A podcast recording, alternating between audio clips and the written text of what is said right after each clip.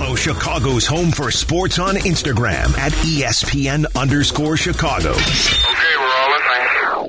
Now back to Peggy and Dionne. This is ESPN Chicago, Chicago's home for sports.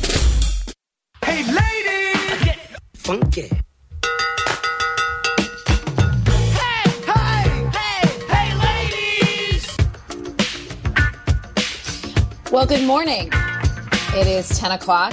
This is Dionne Miller, half of Peggy and Dionne. We're on a little bit early, just a half hour show today because of White Sox Weekly coming up at 10:30 with Charlie. You didn't tell me. Is it Connor McKnight It's today? Shay Norling today. Shay Norling. He just did the golf show. Know Shay's a busy boy today. Shay is overachieving, which we always appreciate. Shay's the best. So Shay will be along with White Sox Weekly coming up at 10:30. Peggy is off today because she overachieved this week and did two actual 4-hour shows.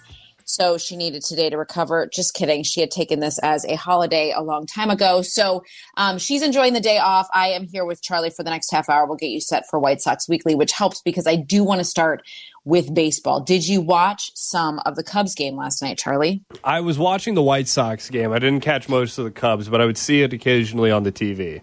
Okay, well, it is worth noting because we know, well, first of all, there is a tiny bit of breaking news from the Cubs. This morning, they have decided to place Dansby Swanson on the 10 day injury list with that bruised foot, heel, whatever it is he's dealing with. It's kept him out of the lineup the last two games.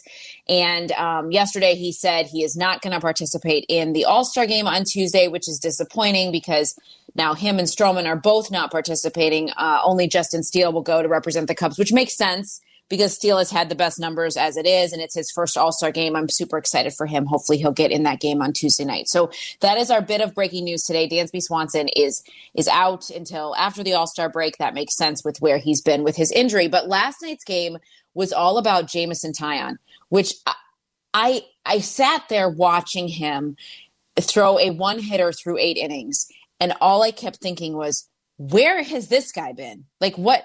What is happening? And yes, maybe there is some familiarity to the fact that he was back in Yankee Stadium where he played for a couple of seasons and he felt very comfortable there. He enjoys the crowd there. He loves that stadium. But for him to deliver that kind of performance in this moment to not only win for himself, but also to produce the first Cubs victory in the Bronx ever.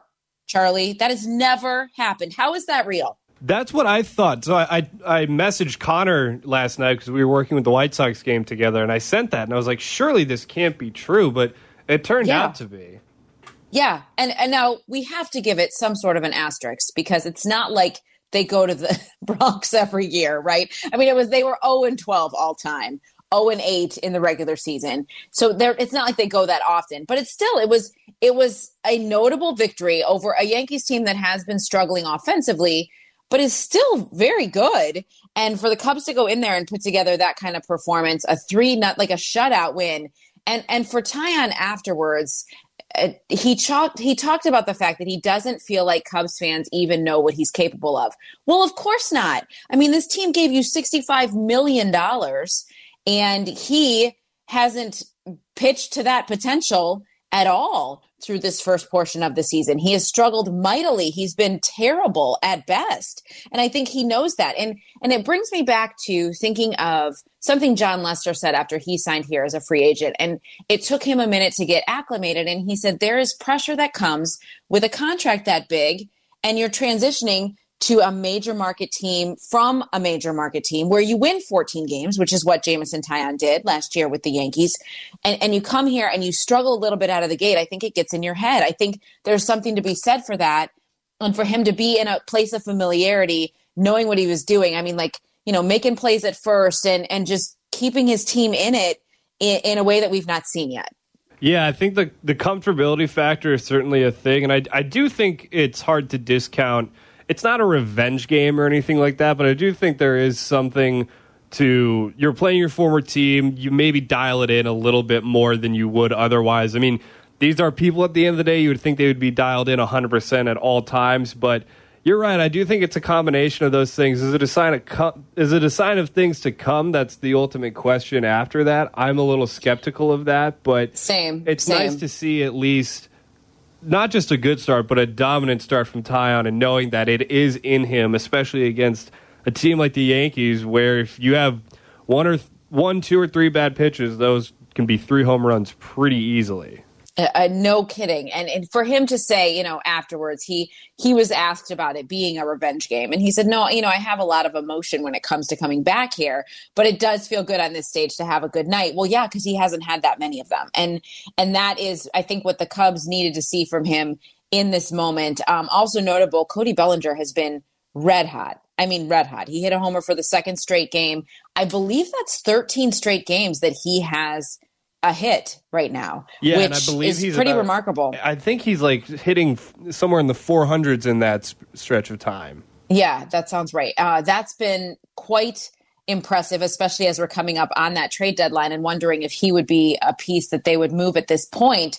I know that's been something that's been rumored, um, but they move forward now into game two. It would be awesome for them to be able to follow that up with another victory today. They had, what had they gone over? Where they lost like uh, 11 of their last 20 or something. I mean, they were not doing well. But for them to have like to have Taillon deliver his best outing as a Cub and in on the stage that it was on, and then be able to follow it up right away this morning. Um, but again, no Dansby Swanson for the third straight game as they try to move forward. Miles Mastrobuoni is back. Um, and today it is Drew Smyly on the hill as they continue that series in New York, trying to make it two in a row in the Bronx after never winning there before last night. Of course, that question, makes sense. Question for you: We're halfway. We're about halfway through this season. How would you? What are your? How would you grade the offseason moves Jed made to this point? Because you bring in Taillon, not good so far, other than last night. Bellinger Right. and Swanson, though, have been. I mean, no pun intended, but they've been home runs to this point. Uh, correct. Swanson's been everything that they needed on and off the field. Uh, leadership. He's. I think he's made a difference in the clubhouse. Even David Ross has talked a lot about the chemistry in this group. A lot of people have um, that this group has that kind of makeup that you think would deliver and it, that could build towards a championship. That's what they're doing. That's the direction they feel like they're going. But I mean, overall, I think that Swanson's been awesome. Bellinger has had. Uh, it feels like all Cody needed was a new place, like a fresh start somewhere. I think that was a huge for him getting his offense going again and feeling more himself and and just getting out of LA and being in a place where he's that like the expectations of course were high because of his name, but I think he was able to kind of relax his way into this season in a different way and we've seen that deliver. Now if Taillon can back this up and have a second half where he's consistent like this, I'll feel a little bit better about that. But you and and also bringing in Trey Mancini, this is another guy who's been a winner and moved around the field and done what the Cubs have needed and and been consistent with that. I would say, I don't know, probably a solid B, right? I mean, the Yeah. Eric Hosmer thing didn't work out. Yeah, Um, I think that's fair because the guys that you expected to rely on, or well, really the guy you had two guys that you were expecting to rely on that were big investments, and that was Taillon and Swanson. One hit, one didn't, and then you kind of take a almost.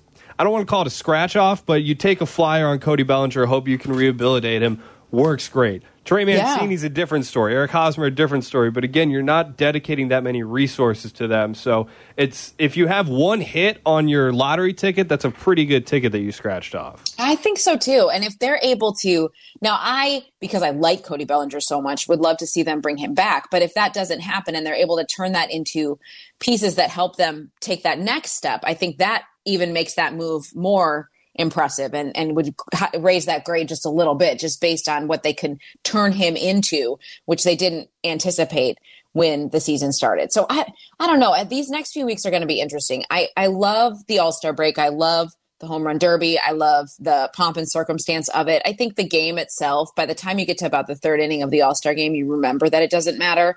But I think it's still fun to watch. And I, I've covered enough of them to enjoy the emotion that these guys feel just having that opportunity to represent their team on that stage. And, and I'm super, super jazzed for a guy like Justin Steele to have this moment um, that no one really expected from him. So, so that will be very cool. I guess I, I'm sticking with B for Jed at this point in the season. Um, as far as the White Sox, so last night they were down. eh, So the Cardinals are not good. All right, can we all just call a spade a spade? They're terrible. They are, they are abysmal disaster of a team, and yet there they were up five nothing on the White Sox in the third inning with Dylan Cease on the mound. Like this is not, and who has not won a game since May twenty third. I mean, like Charlie, this is not he's not been an ace by any stretch of the imagination. No, and last night it was especially telling when uh, he just didn't have that slider working for him. When it's going, when he's putting it where he wants to, it's he's he looks like what he did last year, but he's the command of that slider has just been a little bit off. But you know, to get uh, to get out of it, you know, again, five runs in, in not not too many innings is never great, but Mm-mm. a lot of traffic on the bases and a lot. It, it wasn't what you really wanted to see from from Cease. This is second straight outing that that's what we've talked about is the fact that he hasn't had the command that we're used to, um, and it was just disappointing to see that against such a beatable team in the Cardinals, but you know, leave it to St. Louis to give the Sox some time to come back because they, of course, did. They get on the board in the fifth and then they score five runs in the sixth, which was exciting to see. Um, Luis Robert hits another home run. He's got now 26 on the season. Pedro Grifol says yesterday he wouldn't be surprised if Luis Robert wins the home run derby. I that think, would be fun. I think they may actually have a superstar on their hands with Luis Robert. I mean, we're An only, MVP we're only though. Few, maybe not MVP, MVP quite yet. I know, I know that was a big topic yesterday once again, but I think with Robert and what he's done this year, what he's ascended to, and bounced back after a, kind of a disappointing season last year. Yeah, it's it's the one thing you can take away from this season that's been kind of a disaster is that they have a guy who might be one of the four best outfield, one of the four best hitters in the American League, and that's yes, that's pretty huge if you're going to try to rebuild this thing back up to have a guy who is a legitimate top player in the league. Everything else is a different story, but right. that's something that you can glean from this season. Is okay, we have we have a star on our hands and potentially a, a franchise altering superstar. I don't want Yeah, to oh, get ahead of sure. myself, but No, that's no, what it's no, felt I like to this point. It has felt like that. And and if you I think if there's a different energy though in a room when you're winning, right? I mean, they this week dropped a season high 15 below 500 and and they win yesterday. They wa- the Cardinals walked in the winning run. And and still and still Kendall Graveman made, made the Sox and their fans sweat it out in the ninth to make sure that they got through that to win 8 to 7.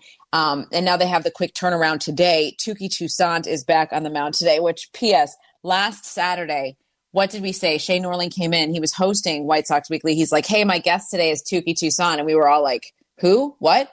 Um, now he's making was a great second interview. start. It was a great interview. Are you kidding? It was an awesome interview. So he started last Sunday, getting the start again today as the White Sox continue their series against St. Louis. Uh, so we'll see if they're able to follow that up.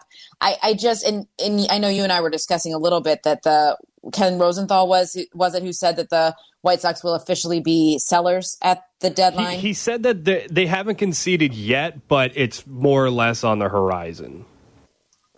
Is that even breaking news? I mean, I think that that's just the reality of where they are currently in the standings, which brings me to that horrific bet that Tom and Peggy were talking about yesterday. That bet was drunk. I could not keep up with what the nonsense they were spitting out.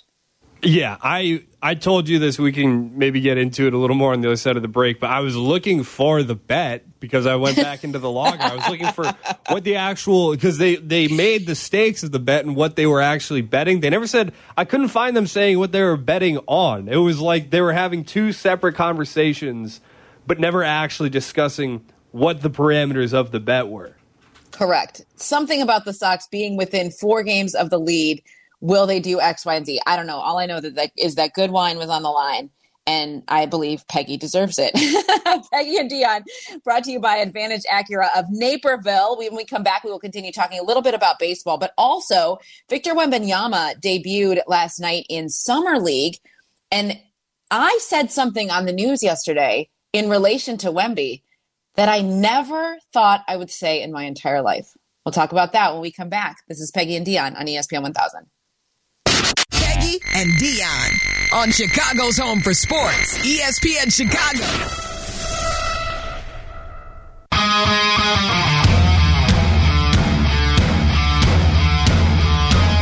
Welcome back to Peggy and Dionne on ESPN 1000, presented by Advantage Acura of Naperville. Charlie Bevins joining me as we wrap up this tiny bite-sized snack edition of Peggy and Dionne as White Sox Weekly is coming up at the bottom of the hour. We were talking a bit about the White Sox being sellers at the trade deadline. I don't think that is a a big surprise But this week, Tom Waddle and Peggy were discussing some sort of a bet about about if the Sox are all right, Charlie. I think they were saying if the Sox are four games out, would they trade Lucas Giolito? oh It was gosh, something like that- along those lines. It was like the number four was involved, and so is Lucas Giolito. I couldn't really keep track of it. I couldn't keep track of it either. And and I think that uh, what is amazing is that they had to go through all of those details and it was so confusing to get to a bet about the So- a bad Sox team selling at the trade deadline. Like I, I think that that is telling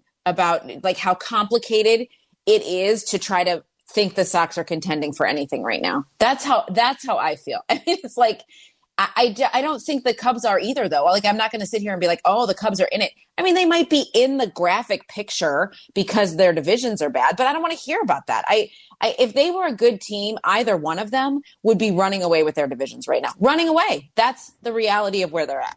Yeah, I mean, my feeling was, uh oh, brother and sister are fighting again. But the, um, yeah, it's uh, the point. Like the point of it all is, is the White Sox are pretty far out of this thing by now. Oh, and, yeah. and it's more of, I guess, what like Waddle's point was, he he he would he would be inclined to believe that the White Sox are they're going to cling on to this for as long as they as long as they can. That's his Of course. just his general feeling about it. But at a certain point, like it's kind of it is what it is, you know? Like this is a team that underachieved once again and underachieved by an even wider margin this year and they have some assets that they can get some stuff back for. And that's I- just what they're looking at.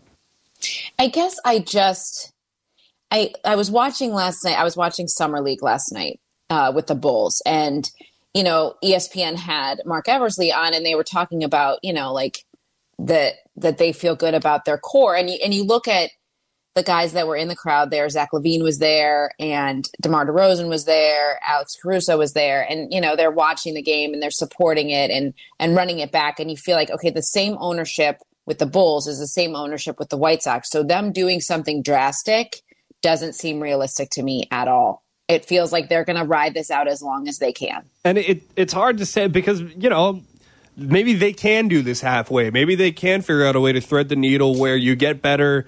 You you know you kind of you short you you hurt yourself this season in the short term, but you can bounce back a lot quicker than you would otherwise if you were tearing this all the way down. Look. Lucas Giolito, if they are to move him, is going to be one of the hottest starters on the market. Like people, like Oh, teams no need question. pitchers every single year. And if you have one that's playing well and you're willing to move on from, you're going to get a good return for that. So that's that's what they have in front of them. Like they have an opportunity to salvage something out of this season, and whether or not they're willing to do it is another thing. But this is like as Rosenthal said, this is where we're headed, even if we're not there yet. Right, right. And that isn't surprising. Okay, so that gives us a chance to transition now to Summer League. I was watching last night, not only because I wanted to see what the Bulls did, they did win in their debut against the Hornets, which, I mean, the Raptors, which was um, interesting because Sky head coach James Wade, who left last week for that role with the Raptors, was there on the sidelines in his NBA coaching debut as an assistant now with Toronto. Very interesting. That was interesting. Uh, Bulls did win. But of course, the night was about Victor Wembanyama and making his debut. But I have to tell you, uh, and and and what I here's something that bugs me a little bit. I'm going to say, Charlie, is that already ESPN is like the title of this article is three takeaways from Victor Wembanyama's disappointing debut. Okay, all right. I remember a couple years ago the Bulls won the summer league. Did it matter in the regular season? No, No, of course not. Guess what? It doesn't matter. It doesn't matter. Look, this and is- even this is it- the time so for this, stupid. right? Uh, I mean, what are we doing? Of course, it wasn't good. He had nine points. Nothing. I mean, we, what were we expecting? Were we expecting him to go out there and score like forty-two in a summer league game? Like, I mean, stop it. I mean, yes, though. I think that is what people were expecting. And- I think then- people were expecting it to hit the ground running right away. And Of course they were. And, and but for them to put that kind of pressure on him, which which I personally as a parent, I'm like, gosh, he's a baby. Like, good lord. It's it's the middle of Ju- it's not even the middle of July. Let him breathe. It's summer league. My goodness. It's they're not he's not like a robot. He's going to have a lot of feelings and emotions in that moment. Not to mention, he's just had a run in with Britney Spears. Right, and it was so funny seeing on Twitter the uh, the Britney Spears army, which I didn't know existed. I didn't realize Oh, that there was a, a my goodness, massive yes. Britney fan base army, but they were tweeting stuff like Britney Spears at 19, and it's her singing in front of an audience, and and it Oh was word. Victor Wembanyama at 19, and it's him getting blocked or something like that. It was just funny. I saw somebody tweet out like. Um, Victor Wembanyama is making Britney Spears stands tune into an entire summer league game. His reach is even bigger than Jordan's. it might be starting that way for sure. But I have to tell you, last night on the news, we do a little section in our sportscast where we do just like we call them briefs. It's like that moment where we just mention a few things that are going on to try to fit more into our sportscast.